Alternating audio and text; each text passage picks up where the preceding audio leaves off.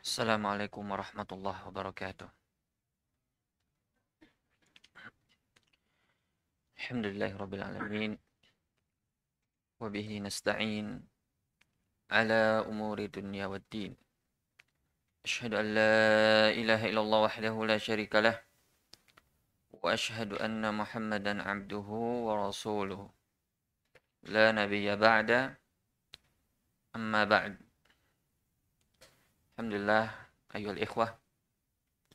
Sekarang uh, kita sampai pada hadis yang kelima. Sebelum masuk penjelasan sebagaimana biasa siapa yang ingin merojaah silakan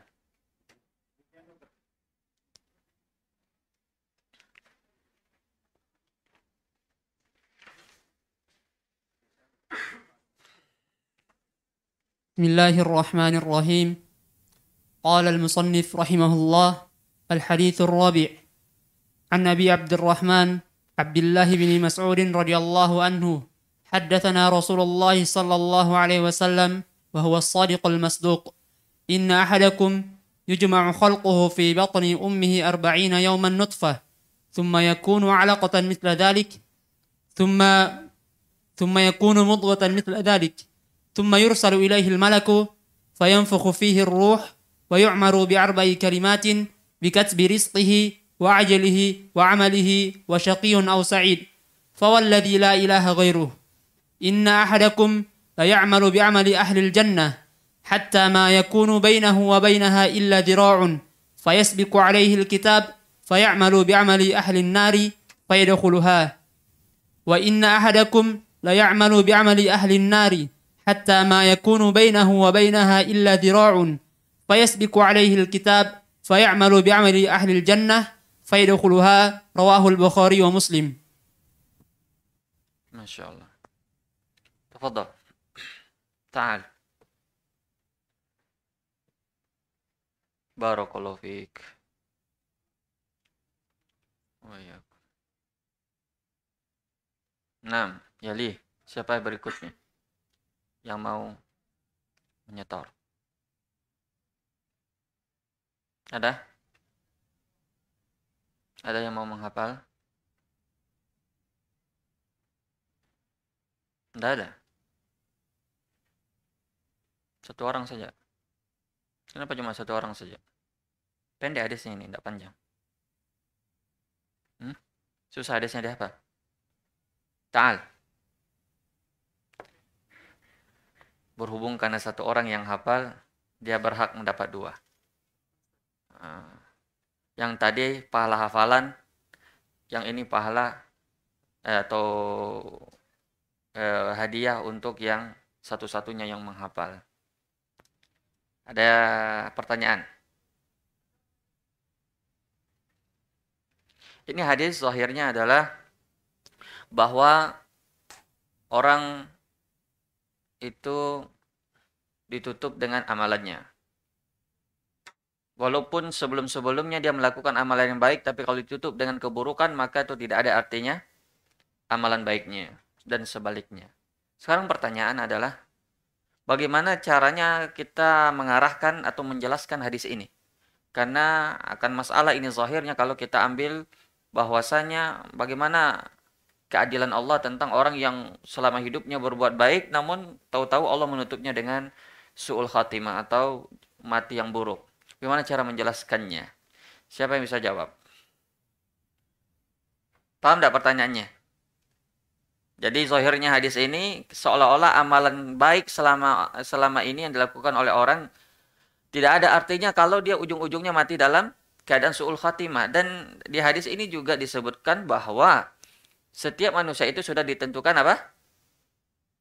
Sudah ditentukan apa? Ajalnya.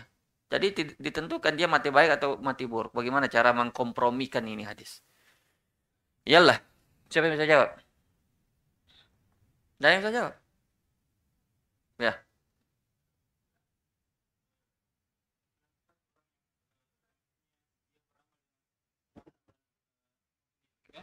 Hmm. Orang-orang yang uh, selama hidupnya beramal dengan amalan-amalan penghuni surga kemudian dia mati dengan uh, melakukan amalan penghuni neraka selama dia melakukan amalan-amalan penghuni surga itu tidak ada ke tidak ikhlas karena Allah Taala Ustaz. Maksudnya? Jadi ada ria atau uh, ibadah-ibadah yang dilakukan uh, tidak ikhlas semata karena Allah Ustaz. Jadi zahirnya nampaknya dia melakukan kebaikan. Nah. Hmm, tapi sebenarnya dia melakukan ria. Nah. Sehingga Allah menutupnya dengan keburukan. Bagaimana kalau seandainya dia ikhlas? Mungkinkah Allah menutupnya dengan keburukan? Soalnya dia melakukan amal itu bukan ria, ikhlas karena Allah. Mungkin tidak Allah menutupnya dengan su'ul khatimah? Jawab. Masih antum jawab. Tidak usah takut. Salah juga tidak tidak masalah. Mungkin Ustaz. Mungkin. Kenapa bisa? Bukankah orang yang beriman Allah tambah imannya, orang yang bertakwa Allah tambah takwanya. Allah, orang berbuat kebaikan Allah bukakan baginya pintu-pintu kebaikan yang lainnya. Tidak mungkin. Ini jawabannya. Kalau antum bilang mungkin bingung sendiri antum menjawabnya nanti. Tidak mungkin. Kalau orang benar-benar ikhlas secara lahir dan batin, ini ikhlas uh, niatnya ikhlas karena Allah, amalannya zahirnya adalah amal ibadah, maka Allah tidak akan mungkin menutup hidupnya dengan suul khatimah itu mustahil. Tapi yang dimaksud oleh hadis ini adalah orang yang melakukan amalan baik fi mayabdulinas dalam riwayat yang lain yang kita telah jelaskan. Fi mayabdulinas itu artinya yang nampak bagi manusia. Tapi pada hakikatnya dia sebenarnya sedang ria atau tidak ikhlas karena Allah cuma zahirnya saja. Barakallahu fiik. Ta'al.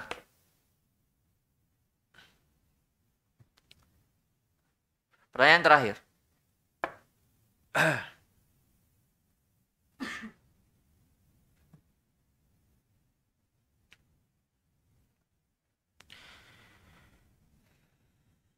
Nah, cukup dulu. Kita lanjutkan uh, pertanyaannya di pertengahan kalau anak ingat. Biasanya anak lupa. Tapi insya Allah anak ingat kali ini. Baik, siapa yang mau bacakan hadis yang ke berikutnya? Silakan.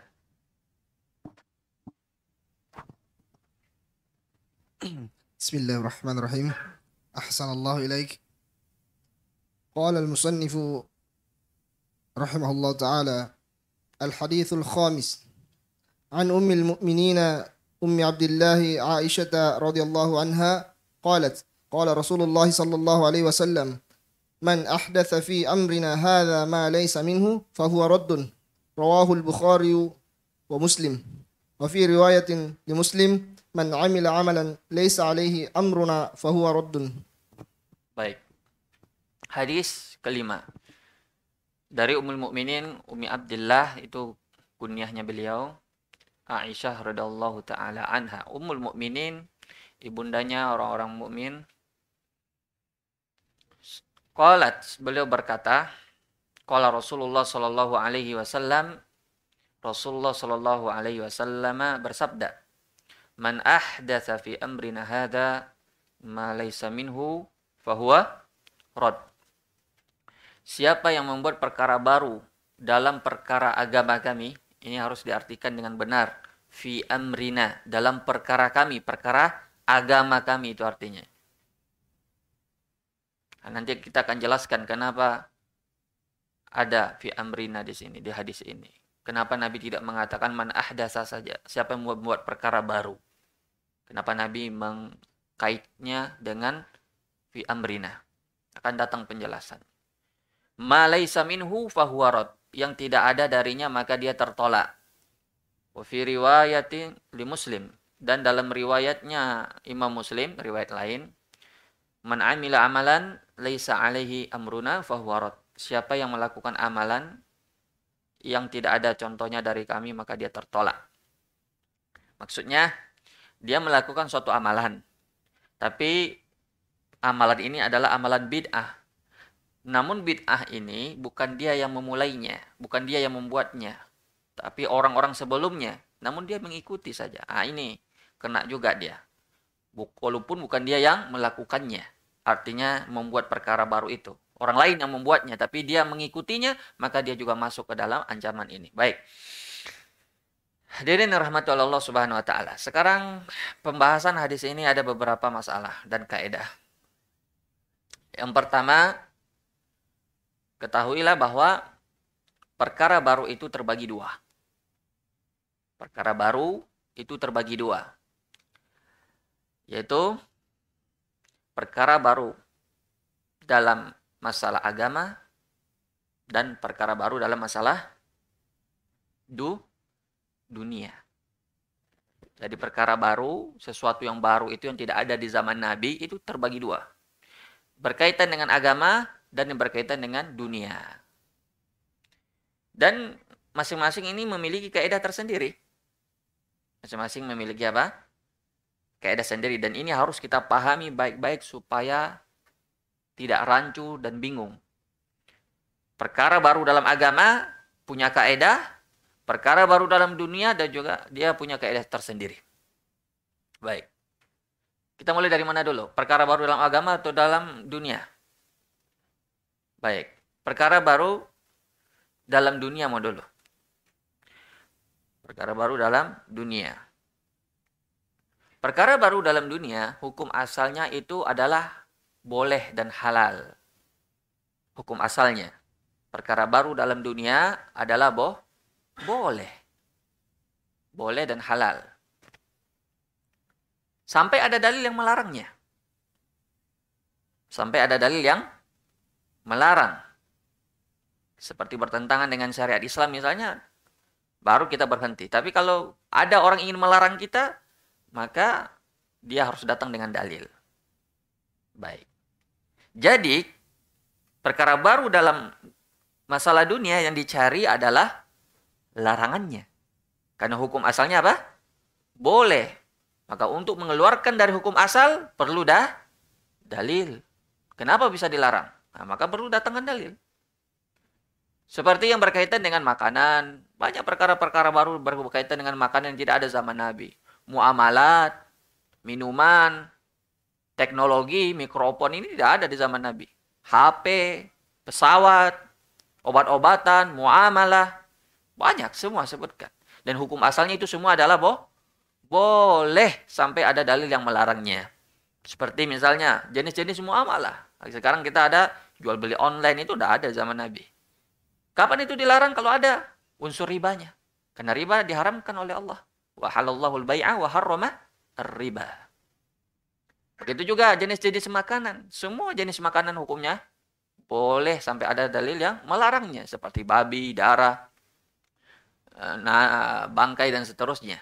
Atau binatang yang mati tercekik, terjatuh dan seterusnya. Hurrimat alaikumul maitatu waddamu walahmul khinziri wa ma li bih wal munkhaniqatu wal muqudatu wal mutaraddiyatu wan natihatu wa ma akala sabu' wa ma uh, wa ma akala sabu' nah itu uh, apa namanya contoh-contoh yang diharamkan. Adapun selebihnya selama tidak ada dalil yang mengharamkan maka hukumnya boleh. Begitu juga mikrofon. Orang bilang kalau itu mikrofon bid anda usah pakai mikrofon ceramah. Pernah tidak dengar begitu?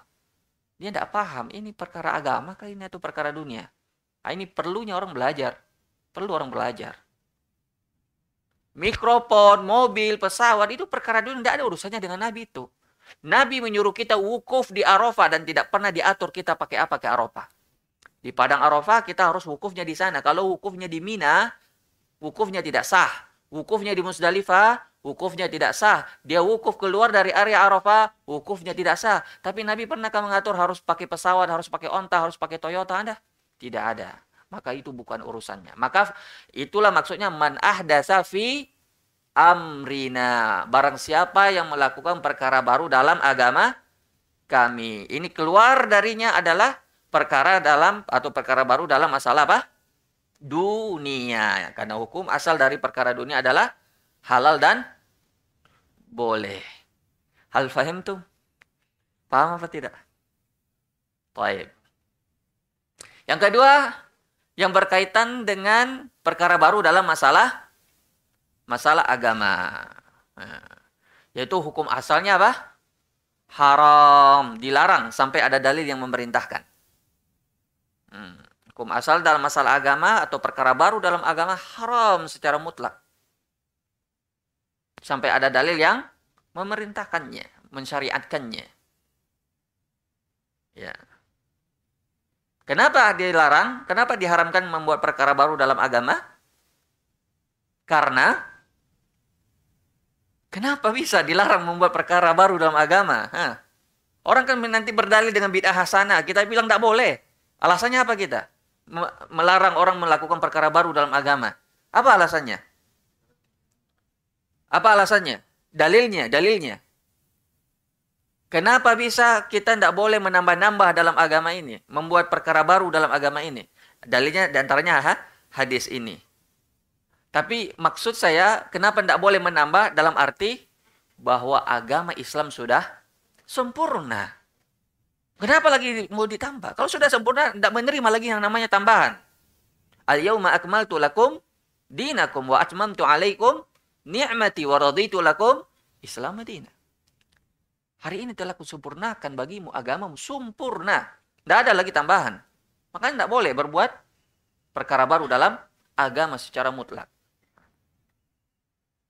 Jadi hukum asal perkara bid'ah dalam agama adalah dilah dilarang. Makanya Allah Subhanahu wa taala itu mencela pelaku bid'ah. Mencela bid'ah dan pelakunya. Makanya Allah bertanya, istifham ingkari. Am lahum syuraka syara'u lahum minad din ya, ma lam ya'dan bihillah. Apakah mereka punya tandingan-tandingan selain Allah yang membuatkan syariat untuk mereka yang Allah sama sekali tidak pernah mengizinkannya? Itu pertanyaan tapi ingkari. Allah bertanya kepada mereka, apakah kalian ingin menjadikan tandingan-tandingan selain Allah? Untuk membuat syariat-syariat, oh ini ibadah, kalian buat sendiri, tidak ada dalilnya dari Al-Quran maupun dari As-Sunnah. Nah, itu di, dijadikan oleh Allah sebagai tandingan selain Allah. Makanya itu pelaku bid'ah itu tercela. Baik. Maka sekarang kita memiliki dua perkara baru dan dua asal. Perkara baru yang pertama berkaitan dengan dunia.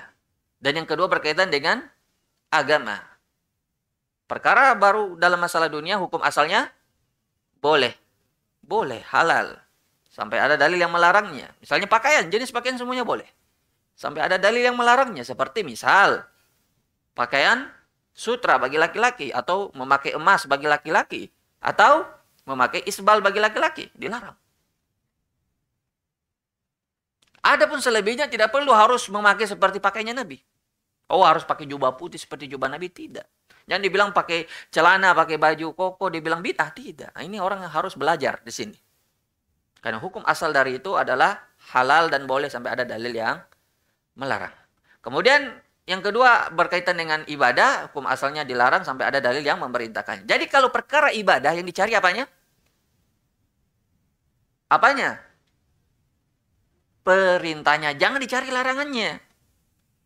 Yang dicari larangannya itu perkara dunia, dunia. Yang dicari perintahnya itu perkara ibadah. Makanya ini harus dibedakan. Kalau tidak orang bisa rancu cara beragamanya. Maka kalau dalam masalah agama yang dicari itu larangannya. Oh, afwan, yang dicari itu perintahnya. Kenapa? Karena hukum asalnya itu perintah itu hanya milik Allah semata. Tidak boleh orang lain memerintahkan sampai datang wahyu dari Allah. Itu hukum asalnya. Jadi ada enggak perintahnya? Kenapa kita sholat? Karena ada perintahnya.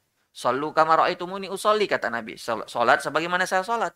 Nabi sholat subuh dua rakaat, kita juga dua rakaat. Jangan kemudian nanti ada orang yang mencari-cari dari larangan.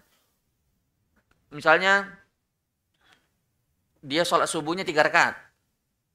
Terus kita ingkari, tidak boleh sholat subuh tiga rakaat. Nanti dia bilang, kan tidak ada dalil yang melarang. Memang tidak ada dalil yang melarang. Ada tidak hadis yang mengatakan, jangan sholat subuh tiga rakaat. Ada tidak?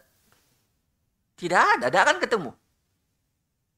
Atau misalnya lafaz azan. Lafaz azan sebagaimana yang diajarkan dan ditakrir oleh Nabi. Azannya Bilal. Misalnya. Kemudian datang orang belakangan, dia tambah lafaz azan dengan hayya alal jihad. Misal, misal ini, misalnya. Umpamanya. Terus kalau kita ingkari sama mereka, bilangnya apa? Tidak ada dalil yang melarang. Betul apa tidak itu? Betul. Tidak ada dalil yang melarang. Tapi ini perintah. Ibadah itu yang dicari apanya? Perintah. Kalau dicari dari larangan nggak akan ketemu. Maka di sinilah ditutup pintu-pintu bid'ah. Makanya kebanyakan mereka yang melakukan bid'ah itu selalu berdalil dengan indah adalah larangan. Padahal yang disuruh cari itu dalam ibadah adalah perin perintah. Nah inilah kerancuan orang-orang yang terjebak dalam bid'ah karena salah dalam memahami uh, perkara ibadah ini. Baik. Sampai sini paham apa tidak? Paham ya? Baik, masalah berikutnya yang kedua yaitu para ulama sepakat hadis ini adalah timbangan amalan zahir. Timbangan amalan zahir. Karena amalan itu terbagi dua saja. Zahir dan batin. Lahir dan batin. Yang zahir yang nampak. Yang batin yang apa yang disebut dengan niat. Maka hadis ini timbangannya. Kalau amalan batin, hadis mana timbangannya? Tolak ukurnya yang hadis yang mana? Masih ingat enggak? Innamal a'malu binniyatal. Wa iyyakum. Hadis innamal a'malu binniyat. Itu timbangan amalan batin. Adapun amalan zahir ini timbangan hadisnya. Bahwa kalau amalan kita itu ingin tahu diterima atau tidaknya, apakah kita melakukan bid'ah atau tidak, sesuai dengan syariat atau tidak, maka dilihat. Kalau kita melakukannya sesuai dengan syariat tuntunan Nabi, maka amalan kita diterima. Nah, ini dimaksud dengan timbangan timbangan zahir. Ya, ini ini ini ini dalilnya. Ini dalil timbangan amalan zahir yang disepakati oleh uh, para ulama. Kemudian yang ketiga, hadis ini juga dijadikan oleh para ulama sebagai dalil asal untuk menolak semua jenis bid'ah. Hmm. Dalam perkara apa? Perkara apa? Perkara agama. Ini dalil asal, dalil pokok, dalil utama yang digunakan oleh ulama untuk menolak semua jenis bid'ah dalam agama. Man ahdatha fi amrina hadha ma laysa minhu fahuwa Siapa yang membuat perkara baru dalam agama kami, maka dia uh, tertolak. Maka kalau antum misalnya berdebat dengan ahlul bid'ah, orang-orang yang gemar melakukan eh, perkara-perkara baru dalam agama, maka dalil ini dalil pertama yang antum jadikan untuk menghujah mereka, untuk mendebat mereka. Karena perbuatan baru yang mereka lakukan itu adalah perkara perkara bid'ah. Dan Nabi mengatakan semua perkara bid'ah dalam agama dia toh ditolak. Jadi mereka tidak bisa lagi beralasan, oh ini bid'ah hasanah. Nabi bilang siapa yang mau perkara perkara baru dalam agama ditolak. Kalau dia itu baik, tentu tidak ditolak. Karena dia baik. Masa Allah menolak yang baik? Berarti tandanya itu tidak tidak baik. Ini dalil asal atau dalil pokok untuk mendebat orang-orang yang gemar melakukan bid'ah. Dan hadis-hadis ini juga banyak sekali didukung oleh hadis-hadis yang lain. Siapa yang ingat? Ada lagi parfum ya. Atau ingatkan untuk pertemuan berikutnya kalau masih panjang umur insya Allah. Siapa yang bisa jawab nanti punya hutang parfum, nanti diambil langsung parfumnya. Siapa yang bisa jawab? Dalil-dalil lain yang sama atau semakna dengan hadis ini. Ini antum dilatih jadi ulama ini, mengumpulkan hadis-hadis dalam satu bab. Hmm, yang mirip dengan hadis ini maknanya. Yang biasa dibaca oleh khotib dalam khutbah Jumat. Nah, semua jawab berarti tidak ada parfumnya. Parfumnya sedikit. parfumnya coba banyak pasti semua dapat. Nah, wasyarul umuri muhdasatuha wa kullu muhdatsatin bid'ah. Ah, dan hadis uh, Abu apa namanya Abu Najih Irbad bin Sariyah. Hadis yang ke-29 kalau tidak salah. Beliau mengatakan iya, Nabi SAW bersabda, "Iyyakum memuhdatsatil umur fa inna kulla muhdatsatin bid'ah wa kulla bid'atin dolalah." Hati-hati kalian dalam perkara bid'ah. Hati-hati dalam perkara bid'ah. Karena setiap perkara bid'ah itu sesat kata Nabi. Tidak ada. Tidak ada dikecualikan di situ dalam perkara agama. Makanya di sini eh, apa namanya? Banyak sekali dalil-dalil yang mendukung hadis ini. Baik. Masalah berikutnya yang keempat, kalau begitu coba definisikan apa itu bid'ah. Hmm. Sekarang kita mendefinisikan apa itu bid'ah. Masya Allah. Perkara baru dalam agama. Itu definisi hadis. Al-ihdas fi amriddin. Yaitu perkara baru dalam agama. Definisi hadis. Ada definisi lain yang mungkin dipahami oleh penuntut-penuntut ilmu. Kalau orang-orang awam mungkin agak sulit memahaminya. Tapi kalau ini definisi hadis semua orang paham. Baik orang umum maupun orang khusus atau penuntut ilmu. Adapun definisi lain yang disebutkan oleh Imam Syatibi misalnya. Kalau bid'ah secara bahasa itu artinya apa? Sesuatu tanpa ada contoh sebe sebelumnya. Itu secara bahasa. Adapun secara istilah, kalau secara bahasa itu bukan yang dimaksud dengan istilah yang dilarang. Karena itu secara bahasa. Sama seperti sholat misalnya. Sholat itu secara bahasa artinya apa? Doa. Tapi secara syariat apa yang kita lakukan mulai dari takbir sampai salam. Ya. Baik. Jadi definisi bid'ah secara syariat disebutkan oleh Imam Syatibi dalam kitab beliau uh, Al-I'tisam. Beliau mengatakan ibarah antariqati fid din mukhtara'ah tudahi uh, tudahi syariah yaqsidu bisuluki 'alaiha al-mubalaghah fit ta'abbud lillahi subhanahu.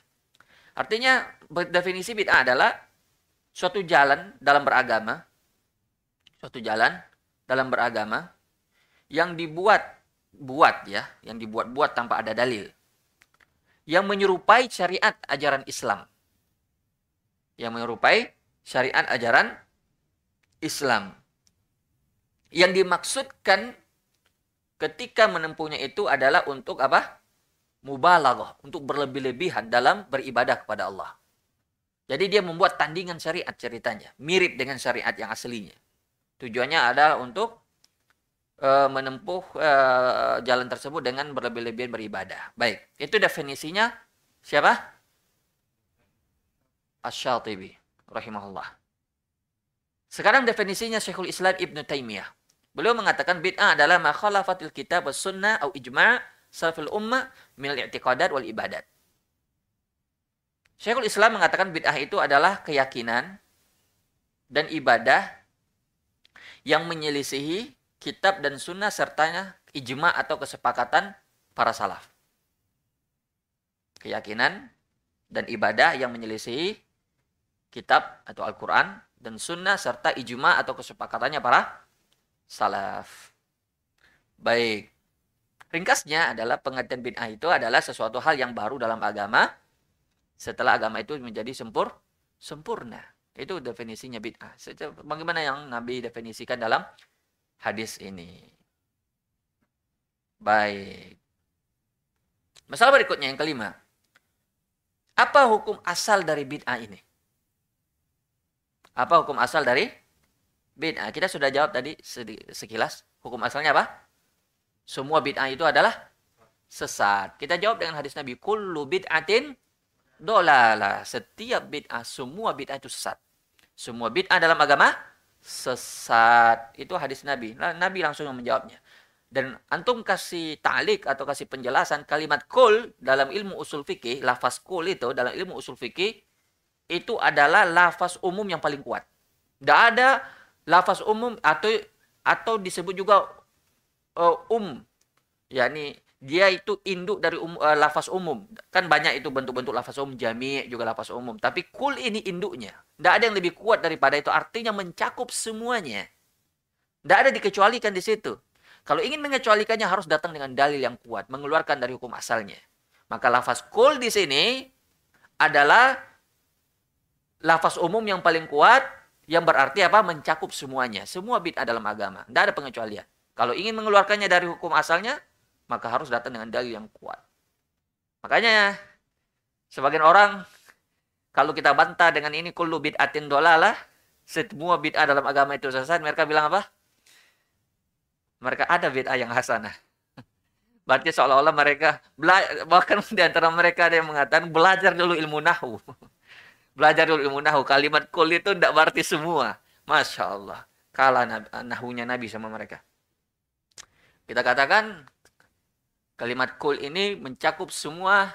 Kalau ingin mengeluarkan dari hukum asal, maka perlu dengan dengan dalil yang kuat. Baik. Kita kalau begitu, kalau kita sudah tahu bahwa semua bid'ah itu sesat, tidak ada pengecualiannya dalam agama, maka kita pindah ke masalah berikutnya. Masalah keenam. Apakah ada bid'ah hasanah? Ada apa tidak? Jawabannya tidak ada bid'ah hasanah dalam agama.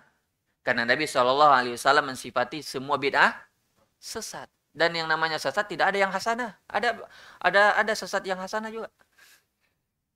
Hah? Seperti bank misalnya ada bank konvensional, ada bank syariah. Ada yang sesat syariah juga, tidak ada ya. Sekarang tidak ada yang sesat syariah. Semua sesat itu tidak ada yang baik, semuanya buruk. Nama saja sesat. Menyimpang dari jalan yang benar. Makanya eh, semua agama, eh, semua bid'ah dalam agama itu disifati dengan sesat, tidak ada yang hasanah. Kalau masih orang ngotot misalnya berdalil dengan perkataannya Imam Syafi'i atau perkataannya Umar dulu sebelumnya. Nikmatun bid'ah, nikmatul bid'ah hadhihi. Waktu beliau mensyariatkan apa bukan mensyariatkan ya waktu beliau mengumpulkan orang salat tarawih dalam satu masjid berjamaah. Beliau mengatakan nikmatul bid'ah hadhihi. Sebaik-baiknya bid'ah adalah ini. Sekarang pertanyaannya, kalau begitu ada bid'ah yang baik.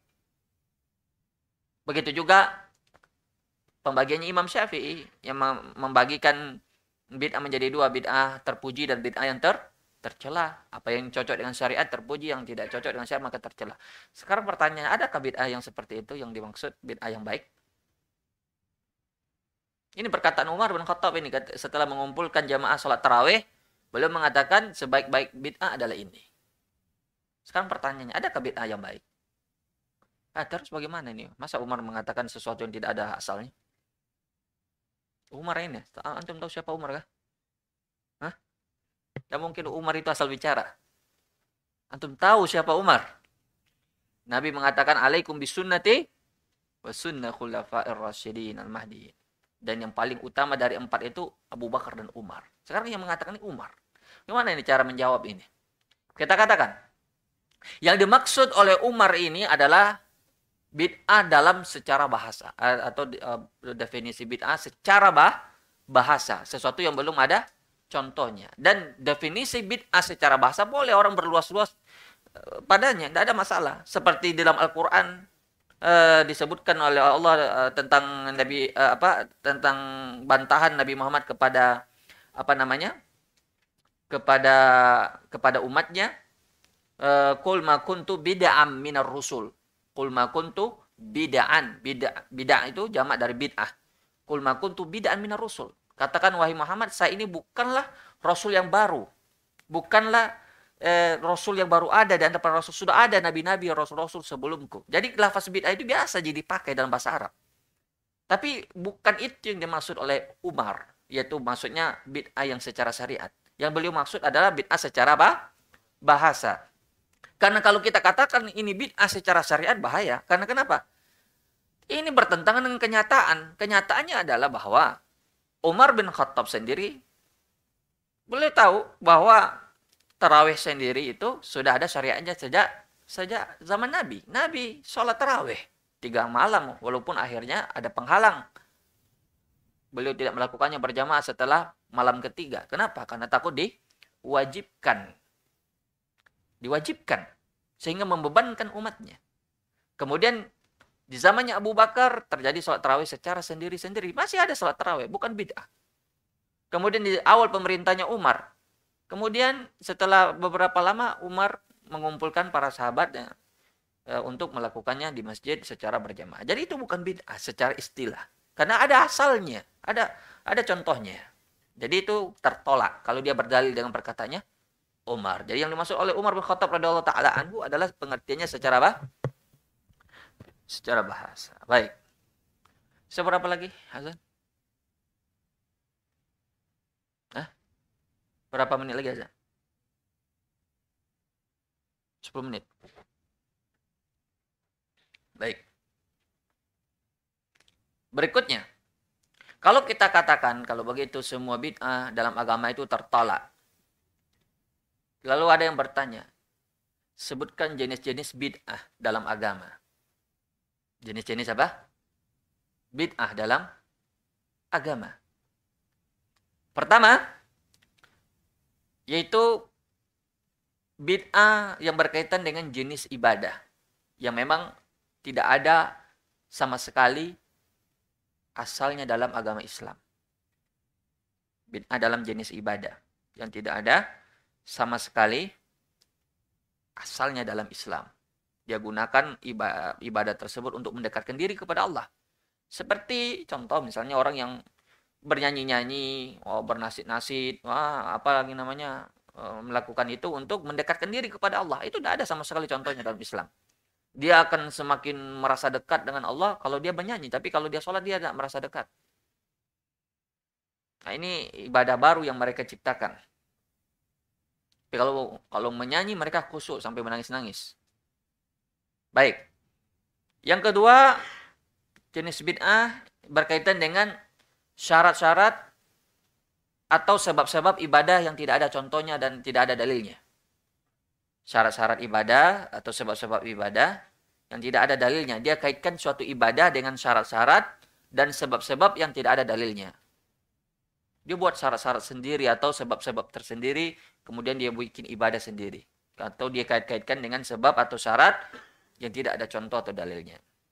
Yang ketiga, yaitu bid'ah berkaitan dengan sifat ibadah atau tata caranya.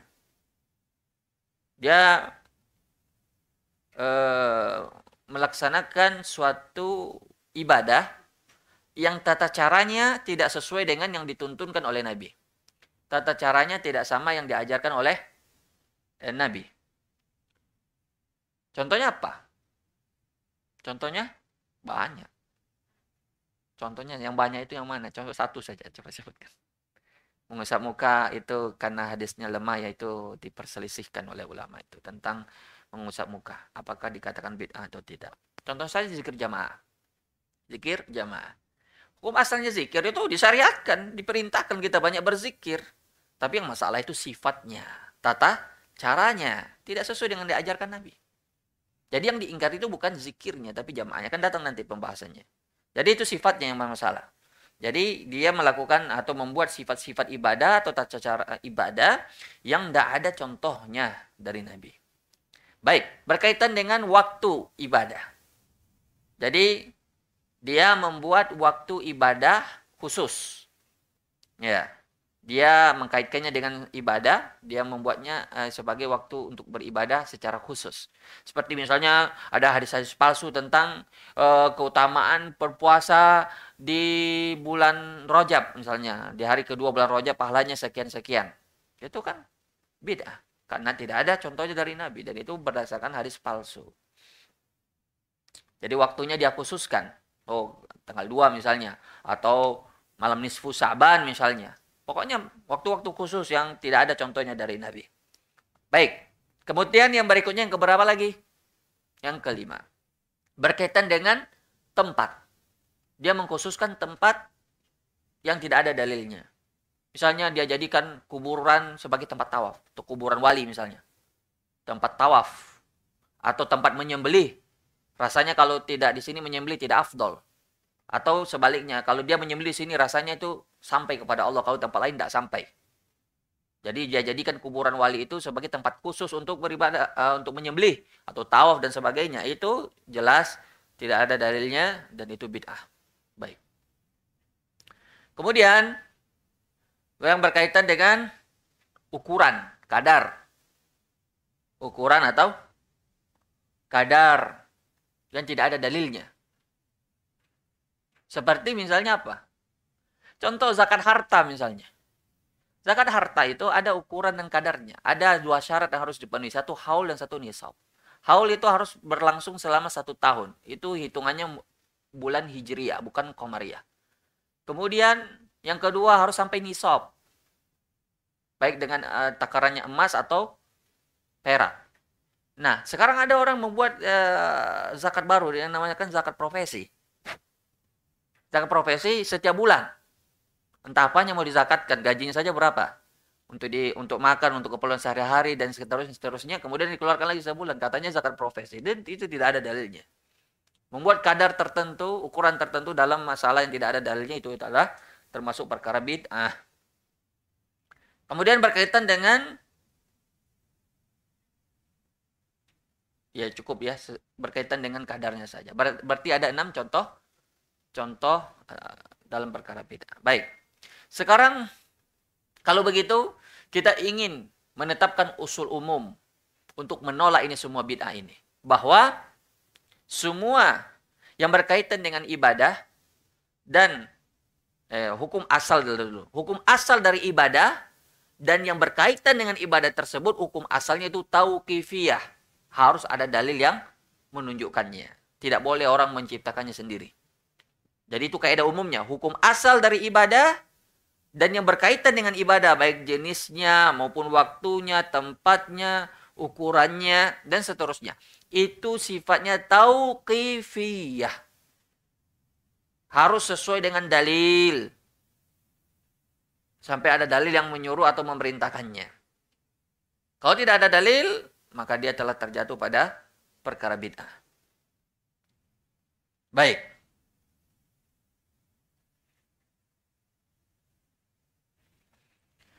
Berikutnya, hadis ini juga ini masalah baru lagi ya. Hadis ini juga menjadi dalil bahwa suatu yang eh, suatu ibadah ini kaidah ya. Suatu ibadah yang secara hukum asalnya dia disyariatkan belum tentu secara sifatnya dia juga disyariatkan. Saya ulangi. Suatu ibadah yang secara hukum asalnya disyariatkan namun secara sifat belum tentu disyariatkan.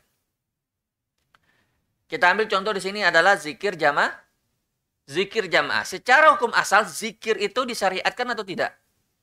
Disyariatkan. Tapi berjamaah disyariatkan apa tidak? Nah, itu sifatnya namanya, caranya. Nah, ini kaidah. Jadi masing-masing punya hukum. Hukum asal ada lagi dalilnya, tata cara harus ada lagi dalilnya. Jadi jangan sampai nanti antum mengingkari orang yang melakukan bid'ah zikir hasanah, eh zikir hasanah lagi. Zikir jamaah, ya. Nanti dia menjawab antum dengan dalil umum tentang keutamaan apa? Zikir. Bagaimana cara membantahnya? Bilang sama dia, yang saya ingkari bukan zikirnya, tapi caranya, berjamaahnya yang diingkari. Antum akan didatangi dengan dalil-dalil umum tentang keutamaan zikir. Wazkurullah zikrun kasir. Begitu juga orang yang salawatan. Antum akan dibilang pembenci apa? Orang yang tidak suka salawatan. Padahal bukan itu yang kita ingkari. Yang kita ingkari apa? Tata tata caranya atau lafaznya. Masuk azan? Baik, silakan. Kita lanjutkan.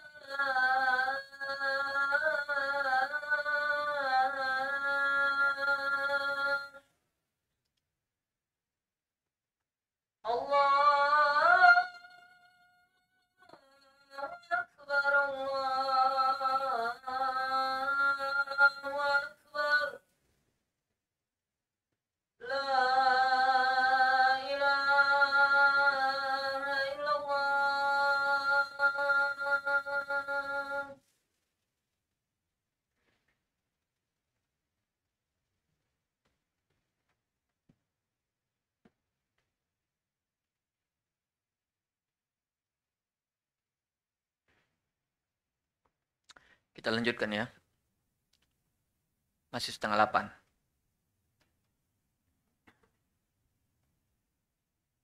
Maunya sampai jam berapa tuh?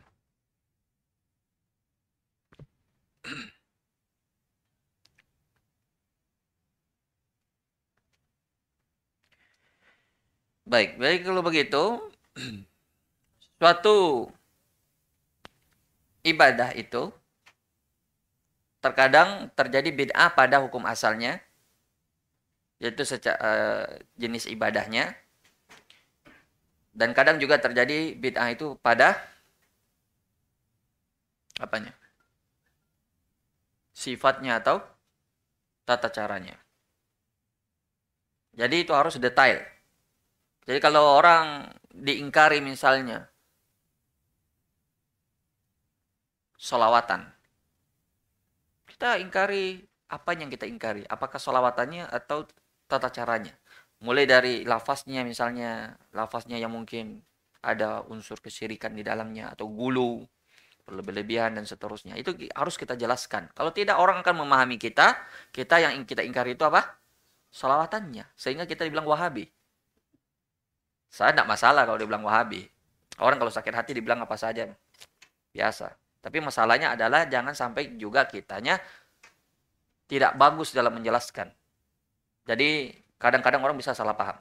Tapi kalau kita sudah bagus dalam menjelaskan namun orangnya tetap ya begitu ya kita serahkan semua sama Allah karena inna kalan tahdi man ahbab walakin Allah yahdi Berikutnya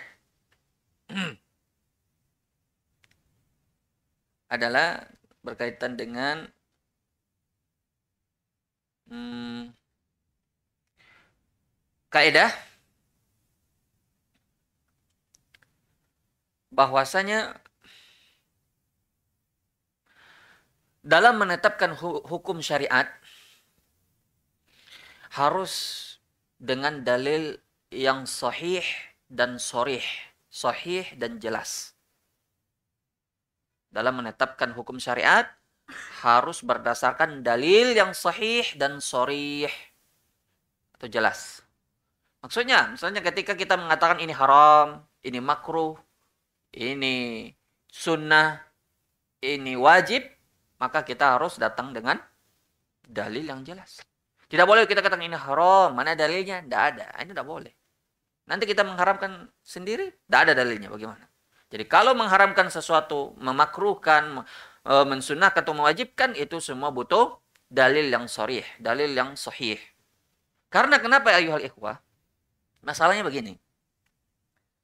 Ada kaidah mengatakan bahwa sihhatul adillah la tadul ala sihhatil istidlal. Dalil yang sahih tidak menunjukkan cara pendalilannya juga sahih. Kita katakan tadi menetapkan hukum harus menggunakan dalil sahih. Betul. Tapi cara pendalilannya juga harus sahih. Karena betapa banyak orang yang hafal Al-Quran. Al-Quran tidak diragukan kesahihannya. Betapa banyak orang yang hafal hadis. Misal Bukhari Muslim tidak diragukan kesahihannya. Namun cara pendalilannya yang bermasalah. Seperti misalnya dia berdalil dengan Al-Quran tentang akidahnya yang batil. Ketika dia mengatakan Allah itu ketika Allah mengatakan dalam Al-Quran misalnya dia akidahnya akidah mu'attilah asy'ariyah misalnya. Dia mentakwil sifat-sifat Allah tanpa dalil. Dalilnya itu cuma ilmu logika filsafat perasaan. Misalnya Allah mengatakan dalam Al-Quran misalnya bal yadahu mabsututan kedua tangannya terbentang dia bilang bukan kedua tangan, tapi kudroh. Atau kekuatan. Berarti kekuatan atau kekuasaan Allah itu cuma dua. Allah menggunakan musanna di sini dua. Mabsutotan. Bal yadahu, yakni yadani maksudnya dihapus nunnya hazaf karena diidofa ila ilaha. Jadi dia mentakwil tanpa dalil. Nah, ini dalil Al-Qur'annya sahih. Tapi cara pemahamannya yang tidak sahih akan datang nanti kaedahnya untuk itu. Khusus untuk membantah orang seperti ini. Seperti juga misalnya Hadis Nabi, yanzilu rabbuna ila samai dunia fi kulli sulusai akhir minal lail. Allah turun ke langit dunia setiap sepertiga malam terah, terakhir. Kata mereka apa? Yang turun itu bukan Allah, tapi malaikatnya atau rahmatnya. Itu kan takwil itu. Robbuna kata Rasulullah. Dia bilang tidak, bukan Tuhan yang turun. Bahayanya Tuhan kalau turun itu. Di antara mereka ada yang memperolok-olok. Kalau Tuhan turun di sini, bagaimana kalau yang berlainan waktu di Indonesia saja terbagi waktu menjadi tiga katanya. Wib, Wita, dan Wit. Bagaimana kalau di sini Allah masih belum sepertiga malam terakhir di sana sudah sepertiga malam berarti Allah turun terus kerjanya. Itu kan ilmu filsafat, ilmu logika. Allah itu ala kulli syai'in qadir. Kalau begitu, coba ada hadis yang mengatakan bahwa tidak terjadi hari kiamat kecuali pada hari Jumat. Jumat menurut yang mana? Amerika kah? Indonesia kah? Kita di sini eh, masih Kamis di sana, misalnya sudah Jumat, beda 24 jam. Berarti Jumatnya kapan ini? Jumat terus berarti kiamat terus-terus begitu. Ini orang tidak menerima nusus apa adanya. Karena dia menggunakan akal yang akal kita ini terbatas. Makanya kita itu menetapkan tanpa menyerupakan, tanpa me, apa namanya mentakwil, mentaktil, kita menerima sesuai dengan apa yang dikabarkan oleh Allah. Karena yang paling tahu tentang Allah siapa? Allah sendiri.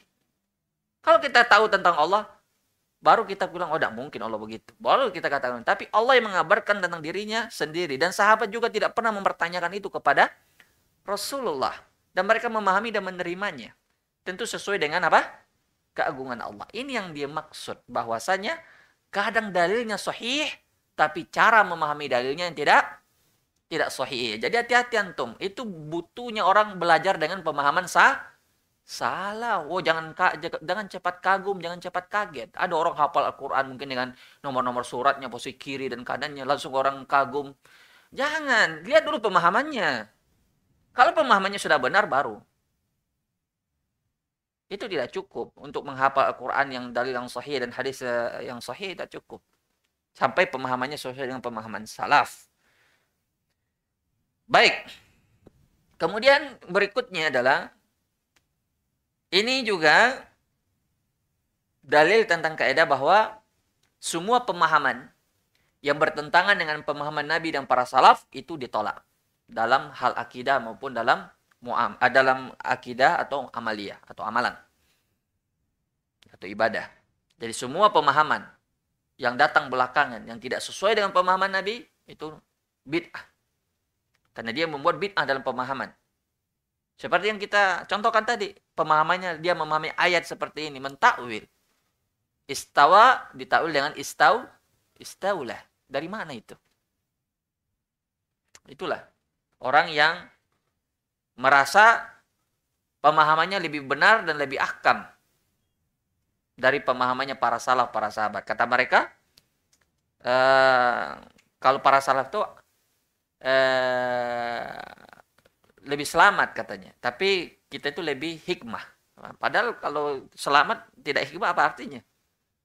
Nah, itulah orang-orang yang mentakwil tanpa burhan, tanpa dalil, kita tolak pemahaman mereka. Dan mereka itu terancam sebenarnya. Baik. Kemudian berikutnya adalah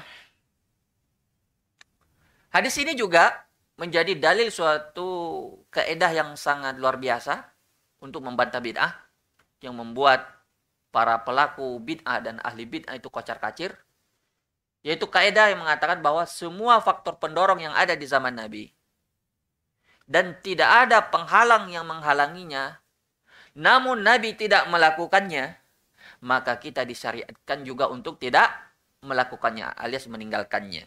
Kalau kita melakukannya kita terjatuh pada bid'ah. Saya ulangi ada dua syarat di sini. Satu ada faktor pendorong. Dua, tidak ada faktor pengha penghalang, namun Nabi tidak melakukannya. Tapi kalau salah satu dari dua syarat ini tidak terpenuhi, maka tidak kata-katakan bid'ah. Ini kita katakan masalah mursalah. Misalnya ilmu nahu. Ilmu nahu itu tidak bisa dikatakan bid'ah. Kan orang-orang ahli bid'ah biasa berdalil dengan ilmu nahu. Ilmu hadis tidak ada zaman Nabi. Ya untuk apa ilmu nahu, ilmu hadis ada zaman Nabi? Mereka orang uh, paham bahasa Arab semua. Kalau hadis Nabi langsung sumbernya, buat apa? Setelah Islam mulai meluas, masuk orang-orang ajam, orang-orang yang tidak paham bahasa Arab, lalu mereka butuh ini ilmu nahu untuk memahami bahasa Arab supaya tidak salah-salah dalam memahami Al-Quran dan hadis. Nah, ini namanya apa? Masalah mursalah. Begitu juga dengan pembukuan Al-Quran. Begitu juga dengan tadi itu bahwa kita bilang sholat tarawih itu bukan bid'ah. Karena ada penghalangnya. Penghalangnya apa? Nabi khawatir itu akan menjadi wah, wajib. Jadi harus ada dua syarat di sini. Yang pertama apa? Ada faktor pendorong. Yang kedua, tidak ada penghalang. Dan Nabi meninggalkannya, maka kita diwajibkan untuk meninggalkannya. Maka para ulama berkaitan dengan kaidah ini memberi contoh tentang sholat Idul Fitri dan Idul Adha. Sholat hari raya. Apa yang antum tahu tentang sholat hari raya? Kenapa ulama memberi contohnya dengan sholat hari raya? Hmm. Kenapa bisa itu contohnya? Kenapa bisa itu contohnya? Karena ada hadis mengatakan An Jabir bin Abdullah kalau tidak salah dari sahabat Jabir bin Abdullah, "Shallaitu ma'a Rasulullah sallallahu alaihi wasallam idain ghairu marra wala marratin bi ghairi adzan wala iqamah." Saya sholat bersama Nabi sholat hari raya lebih dari sekali dan tidak pernah satu kali pun azan dan iko iqamah. Sholat ini, sholat hari raya, sholat yang mengumpulkan orang banyak azan itu diperlukan, ada faktor pendorongnya. Yaitu untuk memanggil orang sah, sholat. Kan itu faktor pendorong orang azan. Dan tidak ada penghalang Nabi melakukannya. Apa yang menghalangi Nabi melakukan azan di hari raya? Tapi Nabi tidak melakukannya. Maka kata ulama, siapa yang melakukan azan pada saat hari raya, maka dia melakukan bid'ah. Dan alhamdulillah kita selama ini seumur hidup kita tidak pernah mendengar sebelum sholat hari raya ada orang azan dulu. Pernah azan tidak antum dengar? Tidak ada. Nah, kenapa ini bisa kita terima, yang lain-lain kita tidak bisa terima? Yang maksud anak yang lain-lain itu apa? Seperti maulid misalnya. Maulid itu ada faktor pendorongnya di zaman Nabi atau tidak? Ada. Ada. Seperti azan di sholat hari raya itu di zaman Nabi juga ada faktor pendorongnya. Itu memanggil orang sholat. Ada faktor pendorongnya. Dan tidak ada penghalangnya. Apa yang menghalangi Nabi? Kalau mau melakukan maulid, sahabat mau melakukan maulid misalnya apa yang menghalangi? Tidak ada penghalangnya. Faktor pendorongnya apa maulid itu? Cinta kepada Nabi itu. Kan kalau kita tanya orang pelaku maulid, pasti mereka jawabannya apa? Bentuk cinta kepada Nabi. Mengingat sejarah Nabi. Dan seterusnya, seterusnya. Banyak faktor pendorong kata mereka. Nah sekarang kita tanya, faktor pendorong itu ada di zaman Nabi? Ada. Para sahabat tabi'in ada di zaman mereka. Karena itu maulid itu baru muncul di abad keempat. Di zamannya Fatimiyah, orang-orang Syiah. Ada di zaman empat generasi berturut-turut ini pendorongnya, tapi mereka tidak ada melakukan maulid. Dan tidak ada penghalang. Ini menunjukkan apa itu? Bid'ah. Perayaan Isra Mi'raj. Sekarang nih, eh, kapan nih itu? 27 Rajab. Sekarang berapa Rajab sekarang? Hah? Bulan oh, bulan depan. Saya sudah masuk Rajab sekarang. Rajab, Syaban, Ramadan. Nah, Sebentar lagi ya, beberapa hari lagi barangkali. 11 Rajab sekarang. Berarti sekitar uh, eh, 16 hari lagi. Hmm, dua pekan. Dua pekan lagi. Antum mau merayakan? Siapa tahu. Itu yang anehnya orang merayakan Isra Mi'raj itu lucu. Ah, di mana lucunya? Mereka itu sampai begadang mendengarkan ceramah tentang Isra Mi'raj tapi mereka tidak sholat lima waktu. Padahal Nabi itu Isra Mi'raj itu tujuannya apa? Menjemput perintah sholat lima waktu. Nah ini yang mereka tidak lakukan. Padahal perayaannya luar biasa sampai begadang menghabiskan biaya mengundang ustadz-ustadz dengan uh, do, dengan honor ratusan juta. Antum jangan salah, ustadz panggilan itu bisa sampai puluhan juta sampai ratusan. Tapi ujung-ujungnya tidak ada hasilnya. Karena memang begitu, perkara bid'ah itu tidak membuahkan hasil yang baik. Itu yang anehnya. Mereka melakukan maulid Nabi, tapi mereka melakukan bid'ah yang menyelisih sunnah Nabi. Mereka merayakan Isra Mi'raj, tapi mereka tidak sholat. Apa sih gunanya? Ya, begitulah yang namanya bid'ah ya. Bikin kita geleng-geleng kepala. Baik. Yang terakhir.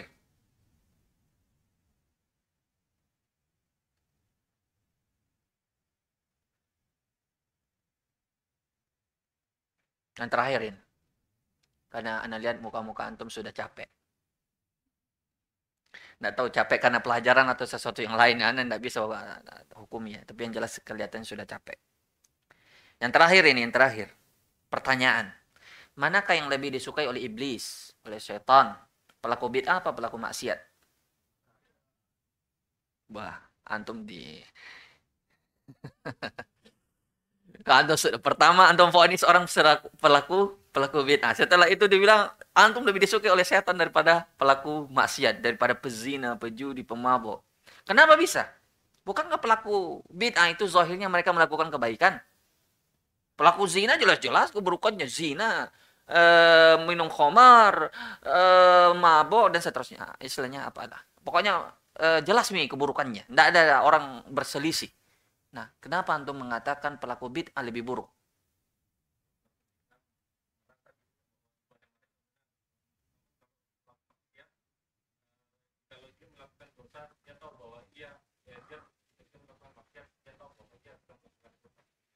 Terus sisi disukai setannya dari sisi mananya?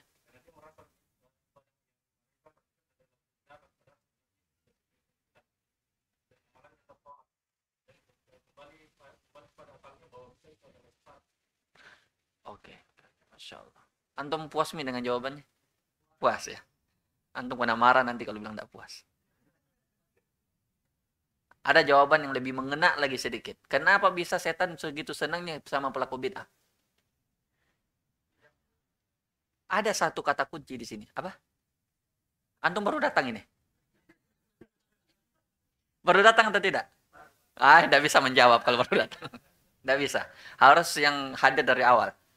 Siapa yang bisa jawab? Hah. Ah, Masya Allah. Ini yang anak mau jawabannya. Ini yang anak mau. Pelaku maksiat itu seperti yang Antum sudah memberi pengantar sebenarnya. Dia tahu kalau dirinya salah dan bertobatnya mudah sekali. Karena dia tahu dirinya salah. Dan kalau orang sudah tobat, sudah terhapus mi apa? Dosanya. Selesai masalah. Tapi pelaku bid'ah susah untuk tobat. Karena kenapa? Karena merasa dirinya benar. Dan kemungkinannya dia mati di atas bid'ahnya. Pelaku maksiat itu biasanya sembunyi-sembunyi. Takut kalau orang tahu. Malu. Tapi pelaku bid'ah bukan sembunyi-sembunyi lagi. Malah mengajak mengajak orang kepada bid'ahnya. Jadi ini senang itu setan. Jarang-jarang itu pelaku maksiat ngajak orang itu ke pelaku maksiat jarang-jarang. Ada sih, tapi jarang-jarang. Tapi pelaku bid'ah antum lihat. Makanya setan senang semakin banyak pengikutnya. Paham enggak?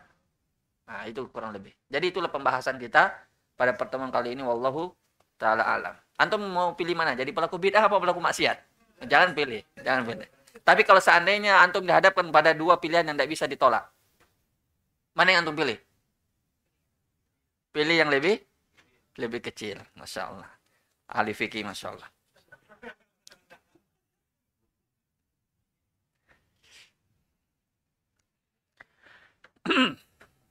Bagaimana menanggapi pendapat masing-masing mempunyai dalil? Sedangkan kita penuntut ilmu, apakah diam saja merupakan cara yang tepat barakallahu fiik Ustaz? Memang masing-masing punya dalil, betul itu. Tapi lihat dulu dalilnya benar apa tidak. Orang Syiah punya dalil.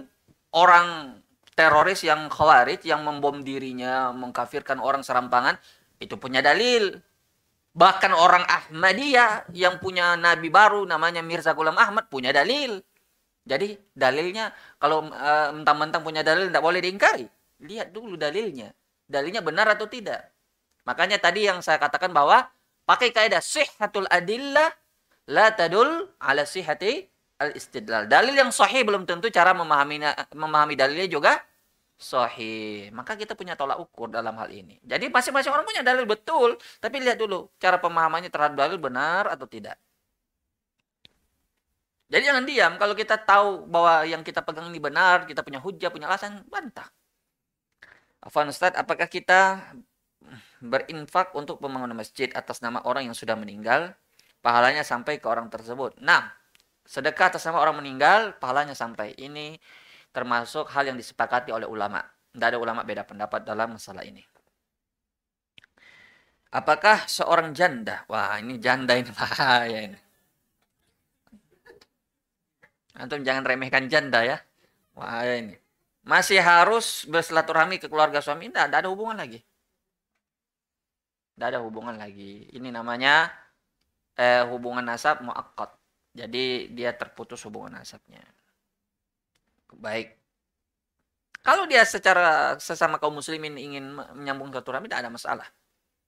Tapi kalau dia secara ikatan keluarga karena sudah meninggal dan bahkan dia sudah bisa menikah lagi, maka tidak ada kewajiban lagi untuk itu.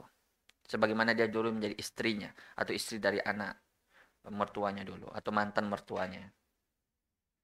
Apakah memperingati Maulid Nabi dalam bentuk apa pun adalah bid'ah? Maksudnya apa ini? Dalam bentuk apa pun? Biasanya kalau orang memperingati Maulid Nabi itu ada perayaannya, songkoloknya, ceramahnya, ya toh telurnya nah itu biasa kalau di Makassar di tempat lain lain lagi tradisinya tapi yang jelas mereka merayakan mengundang ceramah ceramahnya biasanya agak kocak sedikit supaya bercerita tentang sejarah Nabi katanya nah, ceritanya juga banyak yang ngawur juga nah, jelas bid'ah perayaan dalam Islam itu tauqifiyah sesuatu yang sudah ditentukan oleh oleh syariat tidak boleh kita membuat perayaan lain selain yang sudah ditentukan oleh syariat. Makanya ketika Nabi pergi ke Madinah, beliau mendapatkan para sahabat melakukan perayaan-perayaan zaman jahiliyah dulu. Beliau mengatakan, aku ganti uh, dengan yang lebih baik daripada itu. Itu Idul Fitri dan Idul Idul Adha. Maka selain dari perayaan yang telah digariskan oleh syariat, itu hukumnya bid'ah. Perayaan apa saja itu? Nuzul Quran kah? Maulid kah? Perayaan ulang tahun kah? Dan macam-macam. Dan bahkan itu bentuk tasabuh dengan orang Nasoro yang merayakan hari lahirnya siapa? Isa Al-Masih katanya.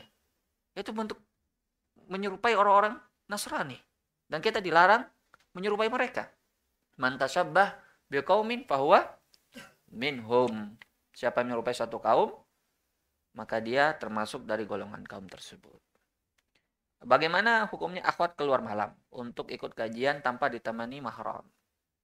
Kalau batasnya masih dalam kategori aman, belum batas safar, tidak ada masalah. Dan afdolnya jangan sendiri. Makanya cepat cari pasangan. Nah, itu itu saran juga ini. Ini kayaknya ada pesan terselubungnya. Saya doakan dapat pasangan cepat.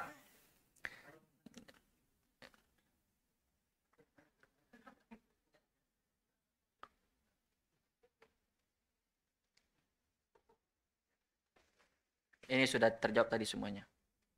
Oh ya. Yap. Silakan. Ini sudah terjawab sini semua. Ya, ini sudah terjawab semuanya. Ya. Cek. Bismillah, izin bertanya Ustaz. Uh, ada beberapa pertanyaan di sini Ustaz. Akidahnya benar, tapi dia pelaku bidah. Dia bidah, tapi akidahnya atau sebaliknya gitu. Uh, dan kedua, uh, apakah para salaf atau para orang-orang terdahulu mempelajari ilmu mantik dan bagaimana cara memahami ayat-ayat yang mutasabbihat tanpa ilmu mantik Ustaz. Jazakallah khair. Baik, baik, baik. Ini ini ini, ini. Labas, labas. Pertama, tentang orang yang akidahnya benar namun terjatuh dalam perkara bid'ah. Kita katakan, kalau memang akidahnya benar dan dia beristihad, kita beri udur.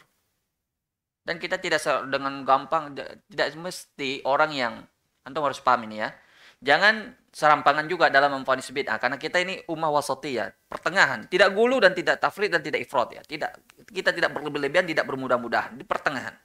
Kapan orang diponis pelaku bid'ah? Ketika dia memang seorang ahli bid'ah, ahli hawa nafsu yang memang uh, akidahnya dan manhatnya itu dari awal memang dibangun di atas itu. Tapi ada yang namanya manusia, ulama ahlus sunnah yang jelas-jelas dia itu adalah seorang yang memiliki akidah yang sahih, namun kadang juga terjatuh kepada kebid'ahan. Dan itu hal yang manusiawi. Tidak ada satu ulama pun disifati dengan maksum. Ada enggak? Yang tidak terjatuh pada kesalahan satupun. Antum mengatakan Ibnu Hajar pelaku bid'ah atau tidak? Al-Hafiz Ibnu Hajar Al-Asqalani. Antum katakan dia pelaku bid'ah? Jawabannya tidak. Kenapa? Karena dia seorang ahli hadis yang membangun akhirnya di atas hadis. Cuman dia tergelincir dari beberapa perkara. Terjatuh dalam beberapa takwil. Imam An-Nawawi yang kita sekarang pelajari hadisnya. Antum katakan pelaku bid'ah? Beliau juga tergelincir dalam masalah asma wa sifat. Namun membangun bedanya beliau uh, mereka ini dengan ahli filsafat mereka membangun akidahnya di atas hadis. Cuman tergelincir mungkin faktor lingkungan, mungkin guru-guru sebelumnya dan seterusnya. Adalah uzur yang disebutkan oleh para ulama dalam hal ini. Ini pertama ini. Jadi tidak semua orang yang terjatuh pada bid'ah disebut ahli ahli bid'ah. Yang kedua, mas pertanyaannya adalah bagaimana? Sebaliknya, iya sudah terjawab.